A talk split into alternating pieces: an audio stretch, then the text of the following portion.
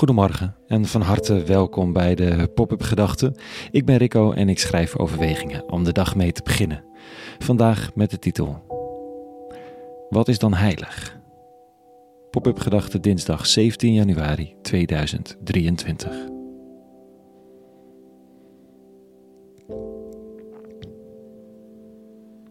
Heilig. Het is echt zo'n oud religieus Nederlands woord. Her en der is het nog een uitdrukking binnengeslopen, zoals ergens heilig van overtuigd zijn, heilig ontzag. Verder is het in een geseculariseerde wereld vrij ver buiten ons bereik. Oh, wacht, nee, natuurlijk de paus en of we die heilig moeten verklaren. Dat is er ook nog. Behalve dat. Is ons iets nog heilig? In de traditie waarin Bijbelteksten geschreven zijn, stikte het van de heiligheden. God was heilig, natuurlijk, de tempel. Heilige gebruiken had je, heilige gewaden, heilige plekken. Het leven was ervan doortrokken. In de gemiddelde stad of dorp in Nederland kent kerktorens en her en der een synagoge of moskee. Maar heilige plekken, en dat is wat ingewikkeld met het lezen van de oude teksten, want je ziet Jezus en de profeten steeds herdefiniëren wat heilig is. Zo van het is niet dit, maar dat. Maar wat doe je als er zo weinig heilig is? Vandaag staat er dit. Eens ging Jezus op een sabbat, heilige dag, jawel, door de korenvelden en zijn leerlingen begonnen onder het gaan aren te plukken. De fariseeën zeiden tot hem, waarom doen ze op de sabbat iets wat niet geoorloofd is? Zo'n vorm van werken. Kan natuurlijk niet. Hij gaf hun ten antwoord: Hebt u nooit gelezen wat David deed toen hij gebrek had en hij en zijn metgezellen honger kregen? Hoe hij onder de hoge priester Abjatar het huis van God binnenging en van de toonbroden, heilige broden, jawel, at, die alleen de priesters mogen eten. En hoe hij er ook van gaf aan zijn metgezellen. De rabbi wordt op de vingers getikt en zegt eigenlijk: Nou, wees blij dat ze niet de tempel zijn binnengegaan om in het allerheiligste hun honger te stillen. Ze doen het hier netjes op het veld met wat voorhanden is.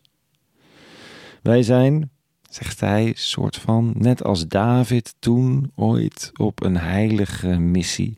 En dan mogen de regels wijken. Het gaat hier niet over de vraag wat wel en niet mag.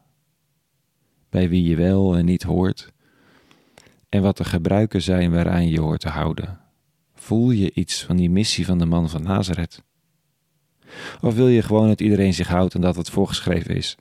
Jezus claimt hier zijn missie.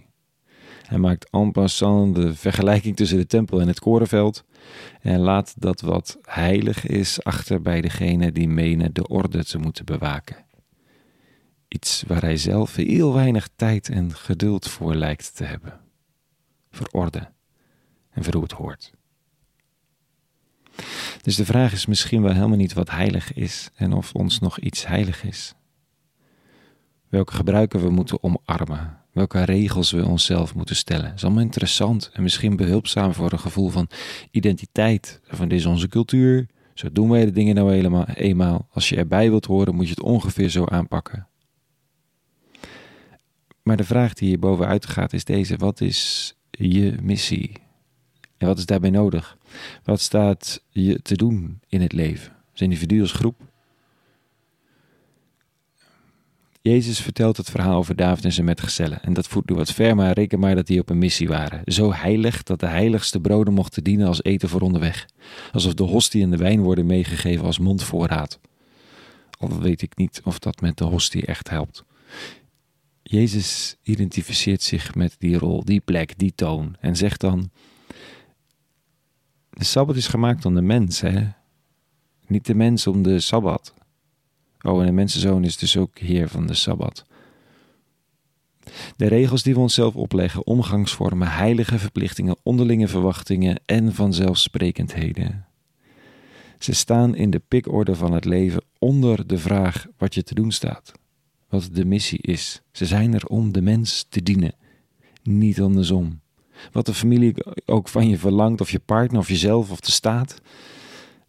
Hm, ze gaan niet over je leven, omdat ze niet gaan over je missie in het leven.